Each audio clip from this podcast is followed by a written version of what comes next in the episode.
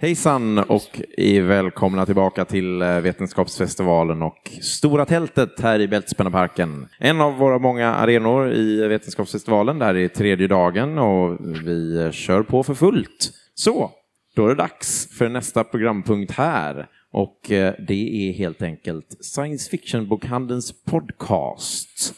Mycket nöje.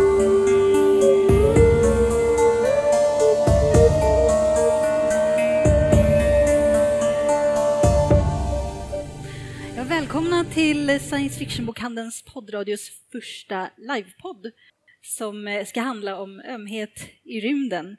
Eller... Eh, Tenderness ja. in Space. En stor del av podden kommer ske på engelska eftersom vi har med oss Julie Novakova från Tjeckien.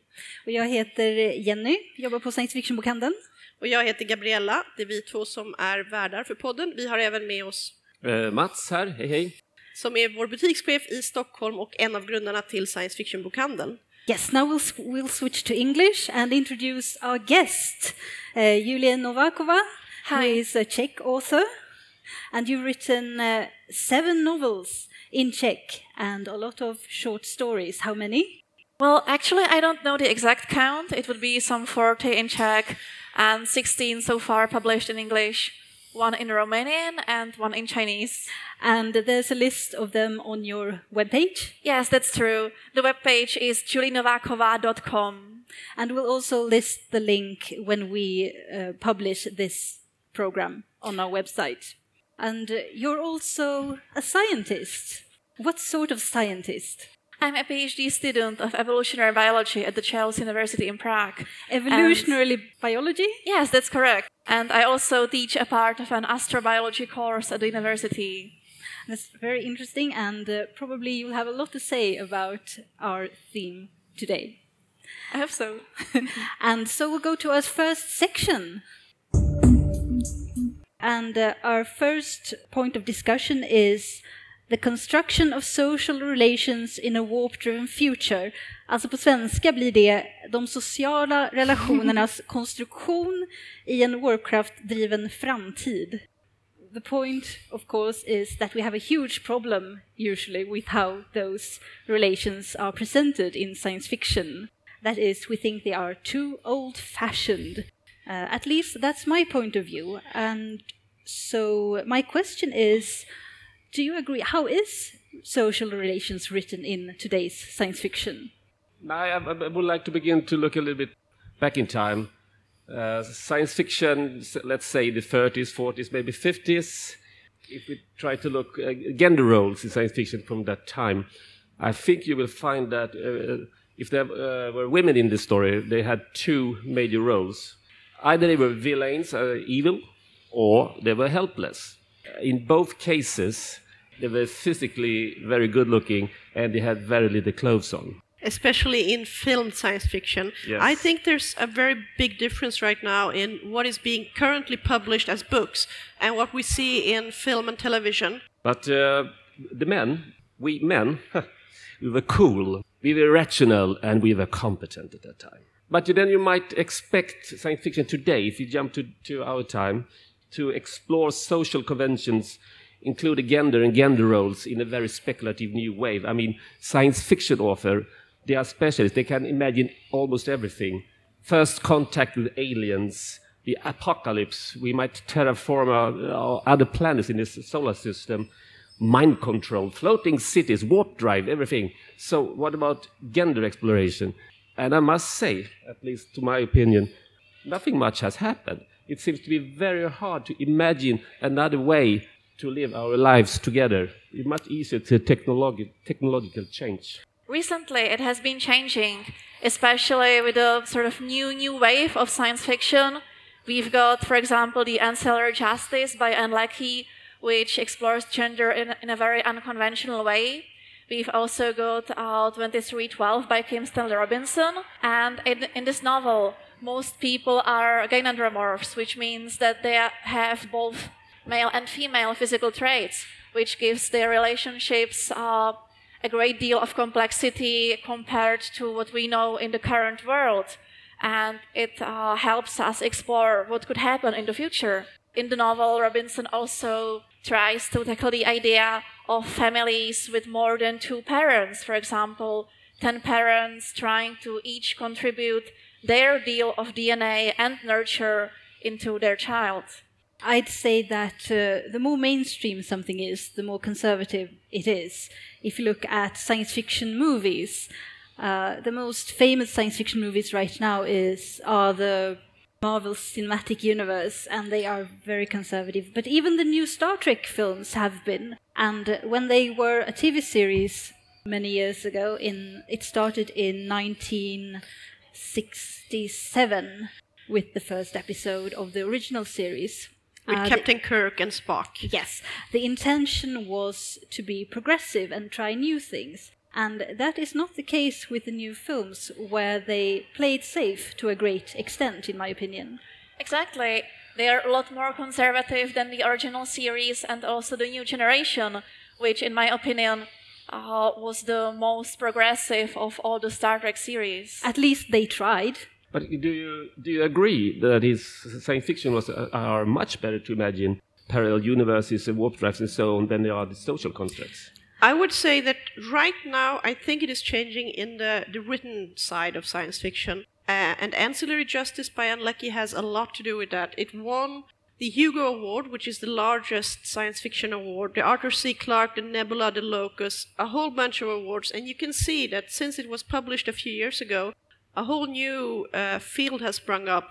Several authors who have been published recently in novel form who had previously only come out as short stories or online maybe are now published. Their books are pushed heavily by the publishers. We have, for instance, Nnedi Okorafor, who's Binti, a novelette, a short book. I don't think we have a Swedish term for that that is very common, but en which explores the idea of being a black young girl going on this finding themselves in space story and does a lot with the traditional African culture meeting science fiction, but also has about family relationships and so that are not com- that we don't see often because it's not a US, UK, Western worldview. We also have things like Saga, the comic by Brian K. Vaughan and Fiona Staples, which is a Romeo Juliet story in space, except they survive and they have a baby and they escape from evil princes that have television screens instead of heads.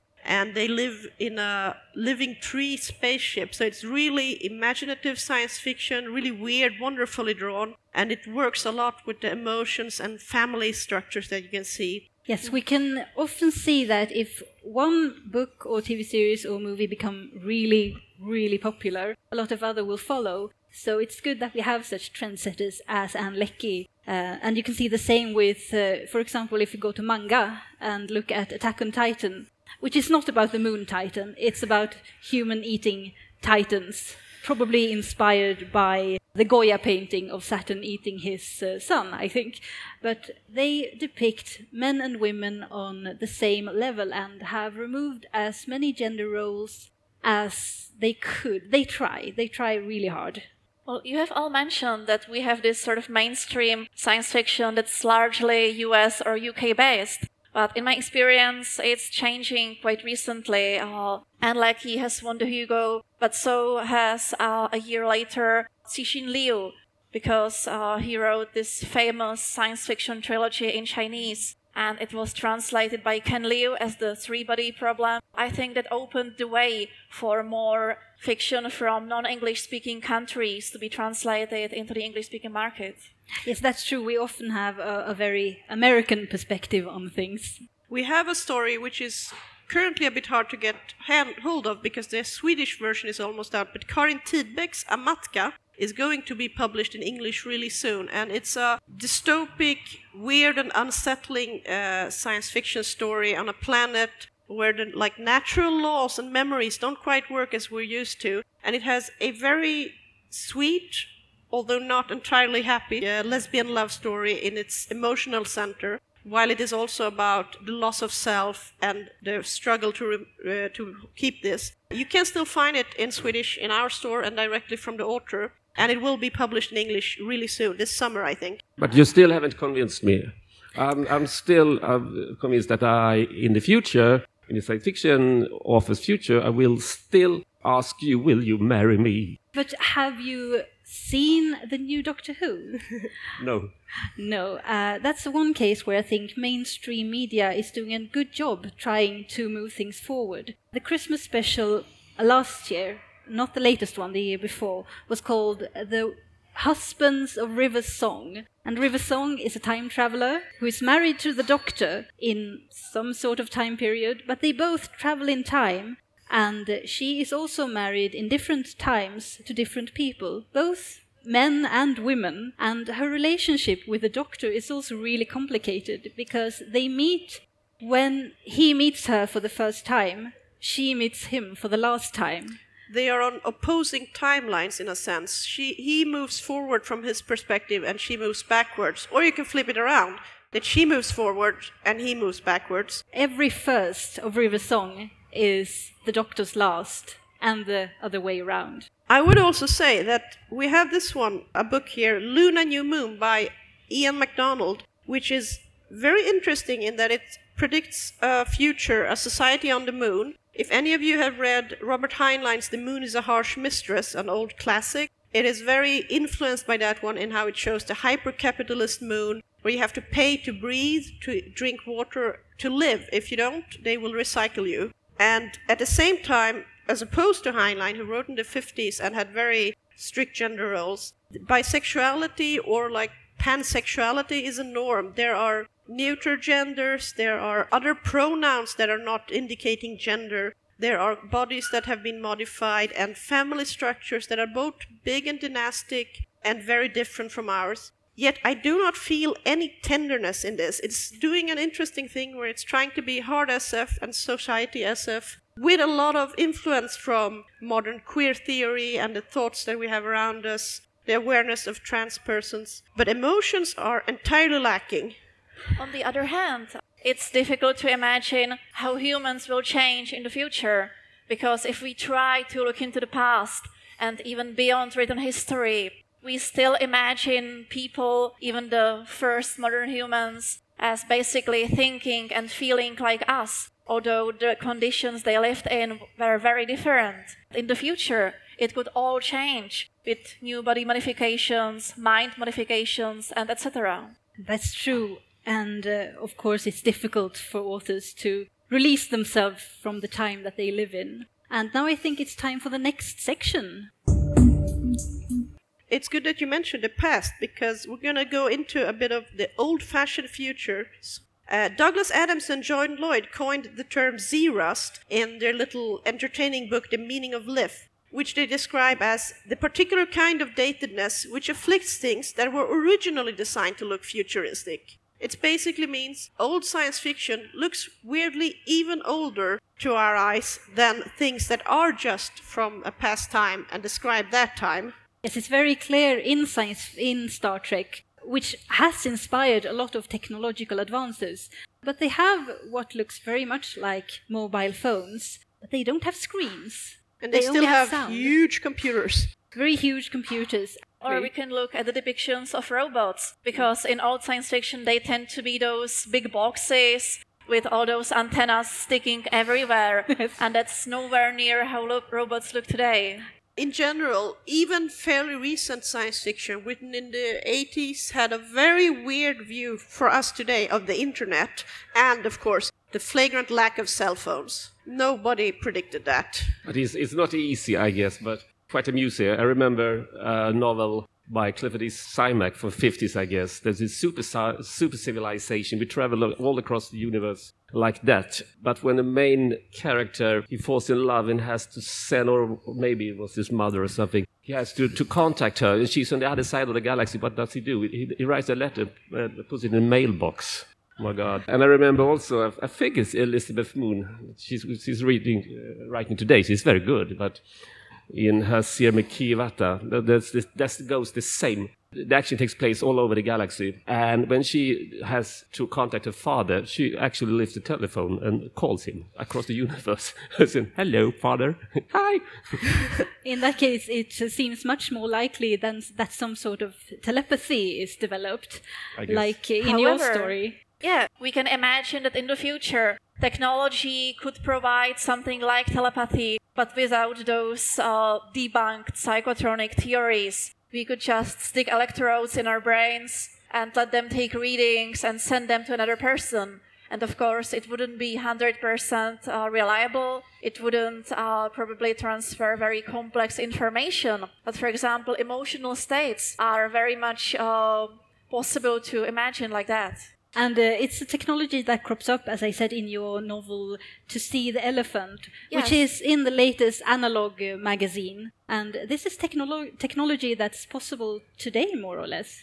Basically, we have been using EEG electrodes and other types of imaging uh, of our neural system for decades. But recently, the technology has developed, and we have better data filtering systems that can help us separate the signal from the noise that is abundant.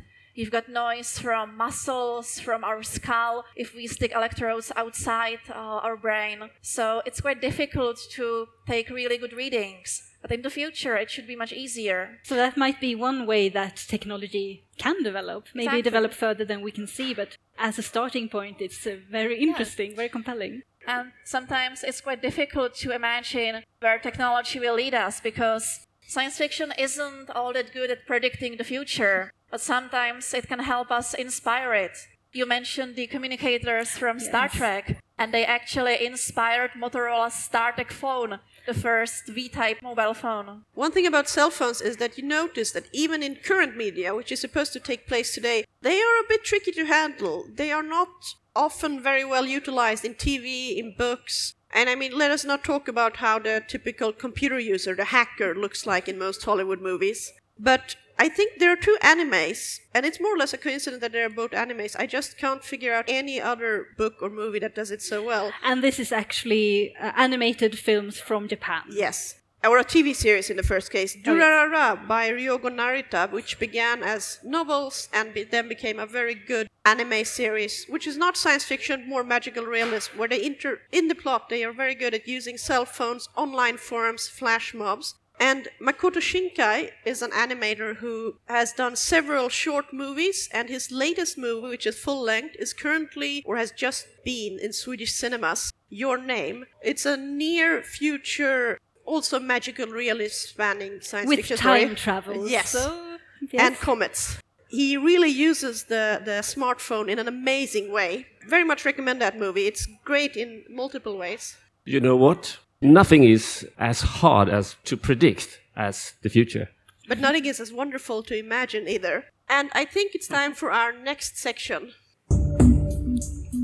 Now we're going to talk about something called transhumanism, which is, in my opinion, a rather complicated subject. So, uh, Mats, would you like to explain that to us? I'll do my best, and then I'll ask Julie to correct me. Transhumanism, a definition goes like this The belief or theory that the human race can evolve beyond the current physical and mental limitations, especially by means of science and technology. You might wonder then what, what's this beyond its current physical and mental limitations? Well, we're becoming, all of us, we are becoming post human or, or maybe more than human. We upgrade ourselves, possibly into gods, actually, at least if you believe the transhumanists. You can do it three ways. One is biological engineering. We will rewrite our genetic code, rewire our brain circuits, and alter our biochemical balance. Why on earth would we like to do that, you might ask? But of course, to escape old age, to escape sickness, even escape death and misery. We might also do it like in, in cyborg engineering, and that is, of course, artificial limbs, artificial eyes. You might find it interesting to, to have the chance to look in infrared or ultraviolet, maybe. Or you might like to have an artificial nose, could smell like, let's say, a dog. Artificial ears, and so on and so on. We can replace, we can build a new body out of what let's call it an eye nose or something like that. And the third, I found we might one day develop into non organic beings. That is, discard our bodies. We don't need them. Nick Bostrom, that is a philosopher and a major advocate of transhumanism, he says that um, biology isn't all that important. What we experience, what we dream, think, remember, and feel can be removed from our body. It's all in our consciousness, and our consciousness we might put in a, a, an artificial being or maybe download it and be digital beings. Correct, Julie? Yes, I think it was a pretty good summary. And most people nowadays uh, put most hopes into biological upgrades. That is either rewriting our DNA or replacing our, let's say, used organs with new ones uh, that were cultivated in some vat or a petri dish. And that's actually something that's uh, very nearly possible today. It's also, also something that is uh, less invasive than becoming cyborgs. I mean, if you ask people in the street whether they wanted a new biological liver or a prosthetic limb, I mean, most people wouldn't want to just let go of their organic limb and replace their parts with machines. So we see this trope in science fiction a lot. But so far in the real world, uh, most cyborgs are either people after heart attacks who have pacemakers, or people who have lost their limbs, for example, in accidents or combat. Lots of people are trying to understand whether we can rewrite the information that's stored in our neural networks. And we see efforts like transcranial uh, electric stimulation, which has been used by the US Army with sort of unclear results, and which many sort of uh, do it yourself transhumanists are trying to adopt. And there are many other examples like that. Yes, the, the problem with connecting the machine to the biolo- biological uh, tissue is, and the nerve system is, of course, the, the hardest part.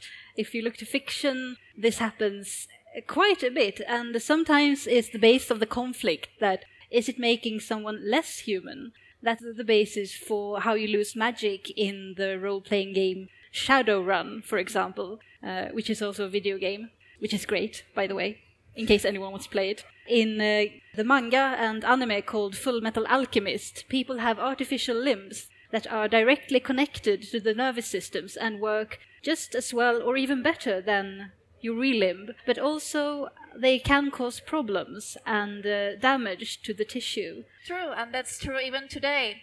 We can see, for example, that Oscar Pistorius could run faster than most humans with biological limbs.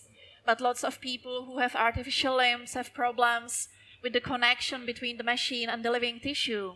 And speaking of uh, machine and uh, human and uh, transhumanism, how about when artificial intelligence is nearing humanity but from the other way? This is something that crops up in uh, The Long Way to a Small Angry Planet by Becky Chambers, where an artificial intelligence want, wants to have a human body because she is in love with a human being and they have problems meeting without a body. Here the question is where does humanity begin?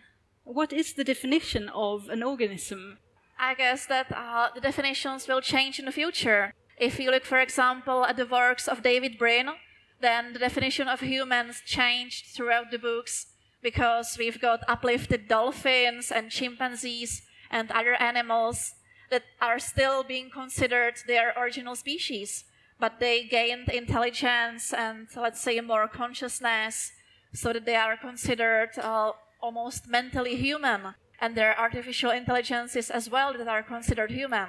I find it an interesting trend that the transhumanism, so to speak, or the biological aspects of it are a bit more low key and semi realistic today than they used to be. Because this idea that we can grow new body parts and we can change our bodies to other biological parts are not at all new. For instance, Tanith Lee's Biting the Sun duology has a world of luxury where you can just kill yourself and order a new body, where you can switch limbs and colors and gender and everything as you want. But it is very, very far from any now. It was written, I think, in the late 70s. It's still nowhere near where we can get today. And is it's the same as with uh, Leiji Matsumoto's Galaxy Express, which is about a young man whose highest wish is to gain a mechanical body in which to in which he can uh, transplant his consciousness. And in the end, it turns out that maybe biology was worth something. Yeah, And Yes. the question of transplanting or uploading our consciousness is actually a very complex one. Because even if we could map our brains to the deepest level, which we cannot do now and probably won't be able to do in, let's say, the next decades, unless there's substantial progress, then our biological body uh, makes lots of feelings for us because we have uh, hormonal Glands. glands, exactly, and we have microbiome. We shouldn't uh, forget about that because the components in our microbiomes, for example, gut bacteria, can very much influence our moods and our emotions. So by getting rid of them, we could change ourselves quite substantially without expecting it. I believe that for both Paolo Bacigalupi with The Wind Up Girl and Karen Lord, who's written, for instance, The Best of All Possible Worlds, have seen and thought a lot about this. Because The Wind Up Girl, which is set in Thailand in a very dark and dystopic future where uh, calorie men are on the hunt for the few remaining foodstuffs that aren't destroyed by genetic pests that people engineered in wars. And you have several people who have changed biology, and this influenced them. The wind up girl of the title is a sort of slave caste human. She has no pores on her skin, so she cannot move too quickly because then she will overheat and die. And this was made intentionally to control her, her sort of human. There's a race like that in uh, The Long Way to a Small Angry Planet, too. The slave race are bred to be completely hairless, so you can recognize them easily and infertile, so they can't procreate by themselves and start a rebellion or something. Richard Morgan is also an author who plays with that. He has both some really far out ideas in his Takeshi Kovacs series where you, you leave your body behind and then you download your mind, send it at light speed, and download it in an entirely new body. But in his Black Man novel, which was not published in the US under that title because that was considered too, uh, well, Offensive? offensive, yes, or too risky. The novel's title is A Person Bred to Be a Black Ops Specialist, but of course it also has the racial connotations and how black men are seen today in the US. And there are people who are part hibernating species there and everything. And he, he has done a lot of back work on what a society looks like when you really start changing the DNA and the biology of humans and how that causes conflicts. Yeah, and a very interesting example are books by Alastair Reynolds, especially the Revelation Space series. In this series, Reynolds basically depicts many different groups of humans. Some are altered biologically to have uh, different traits like seeing in the infrared or being venomous. Some uh, have decided to merge their bodies with machines. Some have been uploaded. Some decided to stay so called pristine. So it's really interesting to have all these people interacting with each other. But uh, the science fiction authors apart, this guy, jo- Yuval Noah Harari, you might know, he wrote *Sapiens*, and this is his new book, *Homo Deus*. He's a very renowned historian. He's, he is not a transhumanist, by the way, but he argues in this book, *Brief History of Tomorrow*, that we today, we humans today, we, ha- we, we have godlike powers. Should say biochemistry is the way for the future for the, for the humankind. And by that, he means what is the new thing? What, what's the next thing we would like to do? Probably get older. Uh, we might be 80, 85 today in general.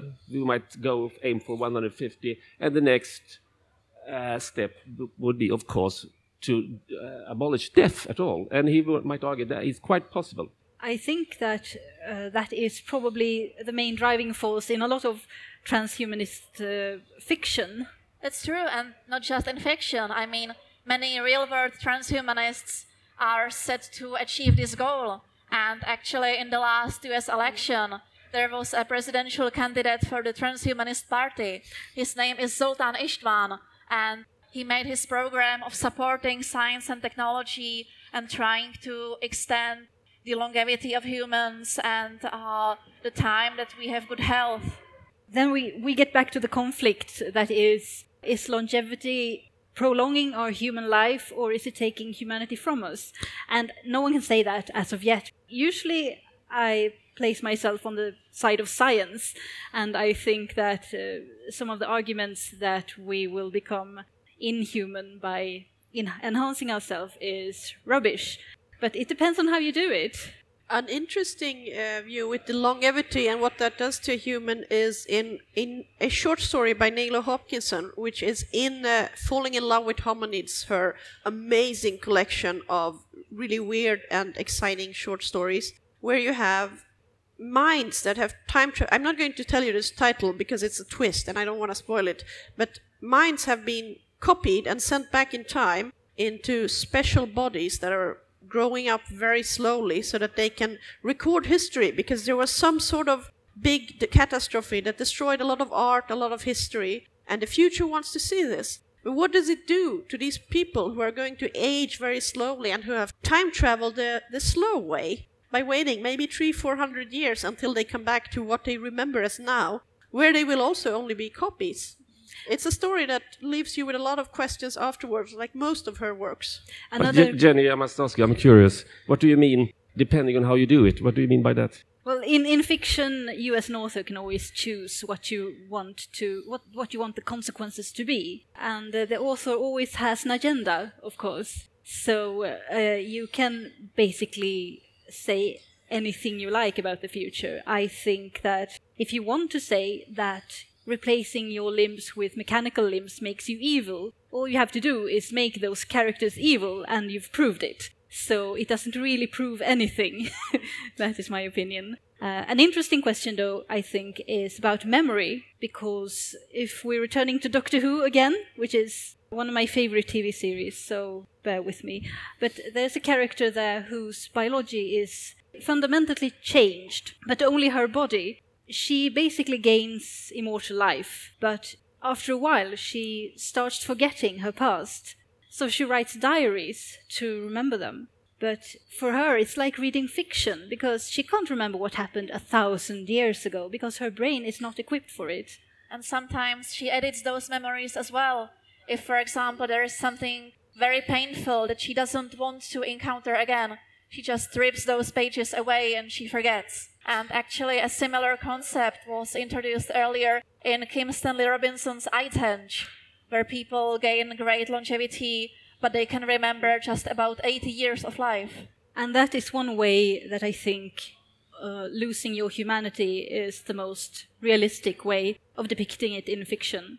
And of course, we can uh, imagine a future where uh, we are basically immortal and we can remember everything.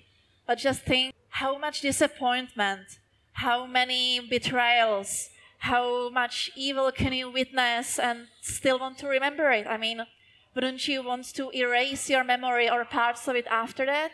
That's actually the concept of one of my short stories. I must read it.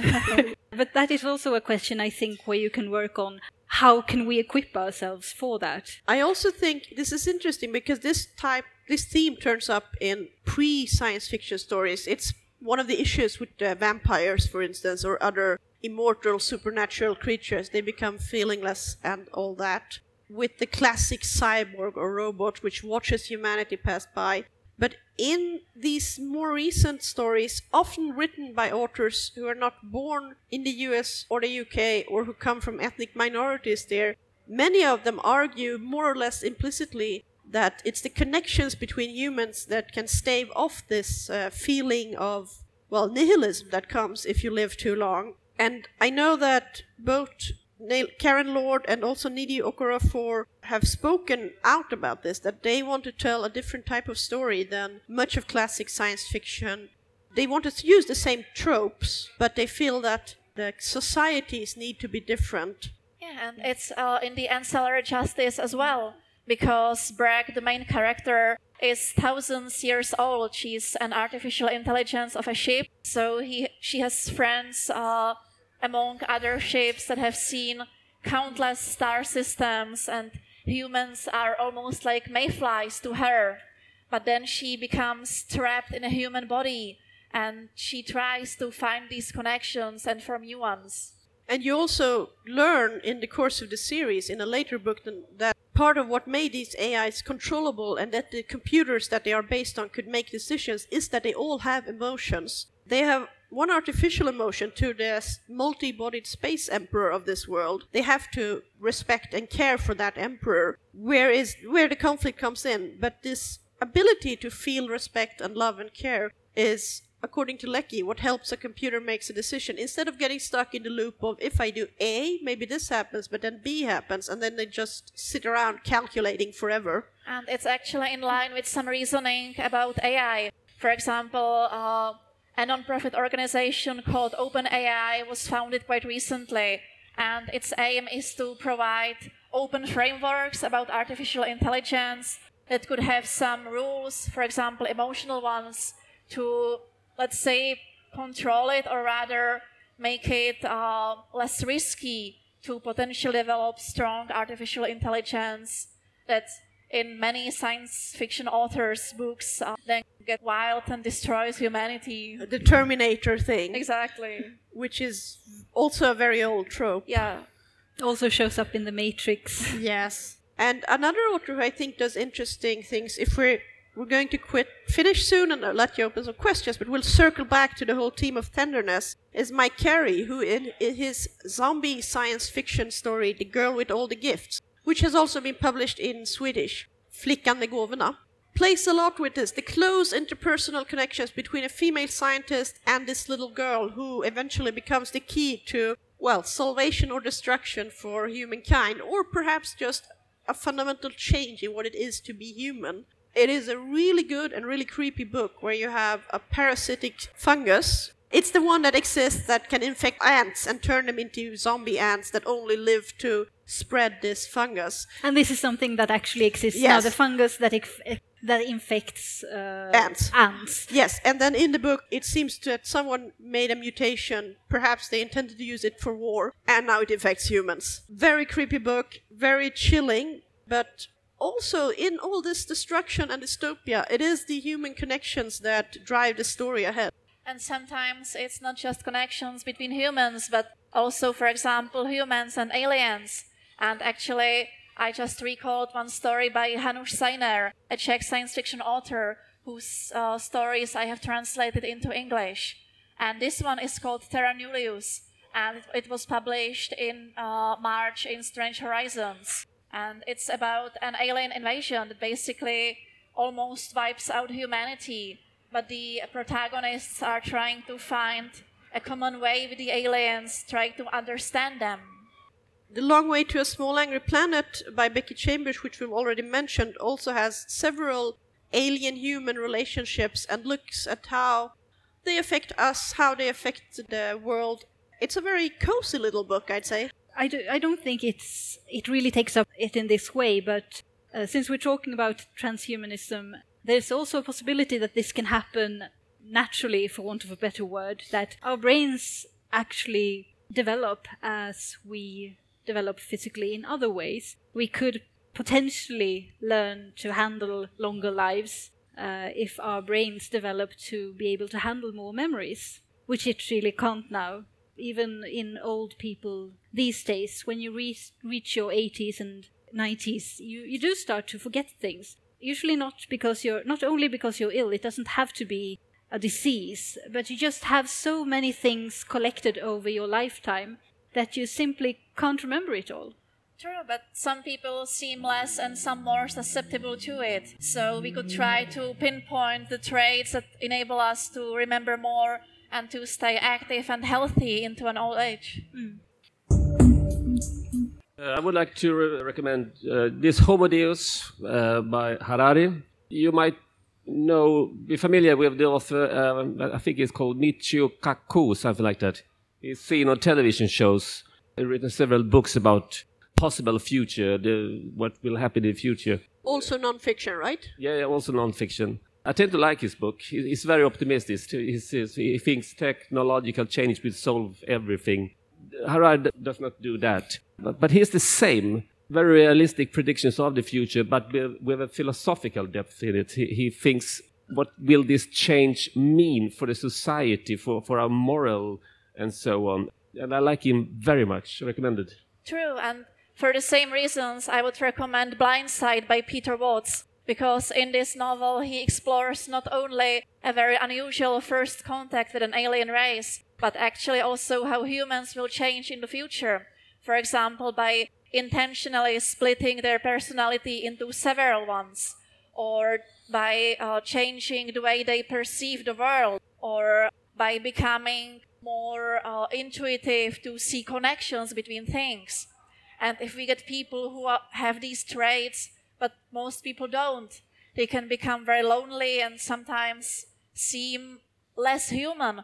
But the opposite is actually true. They are not at all inhuman, as uh, you have mentioned, Jenny, that some authors think that if we alter ourselves, we stop being humans. So I think that Watts handled that pretty well. Yes, and uh, I have talked about this book a lot, A Long Way to a Small Angry Planet, and I really do think it's a great book in that it has so much variety, so many different species, so many different way to handle humanity. It's not just about artificial intelligence gaining humanity, it's also about other races and how, how they handle meeting humanity and how humanity handles meeting them. And also, it's uh, an exciting story in itself, the adventure that they're on. So it's worth reading for many reasons. I have two recommendations. One is a book, 2312 by Kim Stanley Robinson. We've also mentioned that, but it is a, a future where humanity has colonized the, this solar system. There are people from Venus and Mars and the moon and